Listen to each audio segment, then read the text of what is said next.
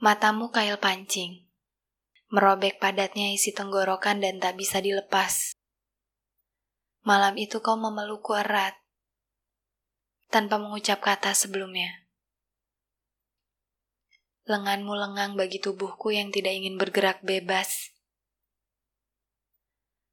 Hmm. Hangat. Bahkan lebih hangat dari perapian puncak gunung yang dibuat oleh para pendaki.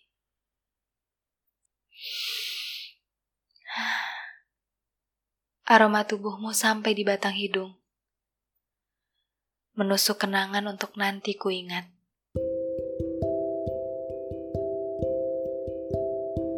Malam menggulung warna merah pada amarah senja sore tadi. Jangan lepaskan pelukku ucapmu berbisik. Aku mengangguk, mengiyakan di keheningan dan suara tetesan sisa hujan pada ranting tengah malam. Bibirku dijahit oleh bekas kail pancing yang menekan di tenggorokan. Tidak ada kata lagi. Jarinya masuk ke sela-sela kosong jariku membentuk rasa yang tidak asing sebagai penguat genggamannya. Seperti memberi jarak, memberi jarak pada kalimat, semua akan baik-baik saja. Tidak ada angin yang menyapa kami, seolah-olah tahu bahwa itu akan menjadi sapaan terakhir baginya. Peluknya semakin erat memberi isyarat. Sebentar lagi, sebentar lagi fajar akan tiba, dan kau akan bebas. Tidak, kita akan terikat oleh kenangan.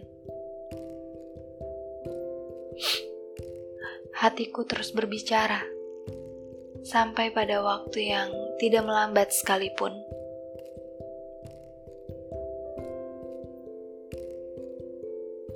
Kini fajar telah tiba, dan di sepanjang perjalanan mampu ku ingat raut wajah kesedihan itu. Tatapannya seperti sumur di musim kemarau. Tubuhnya kini sudah tidak hangat lagi.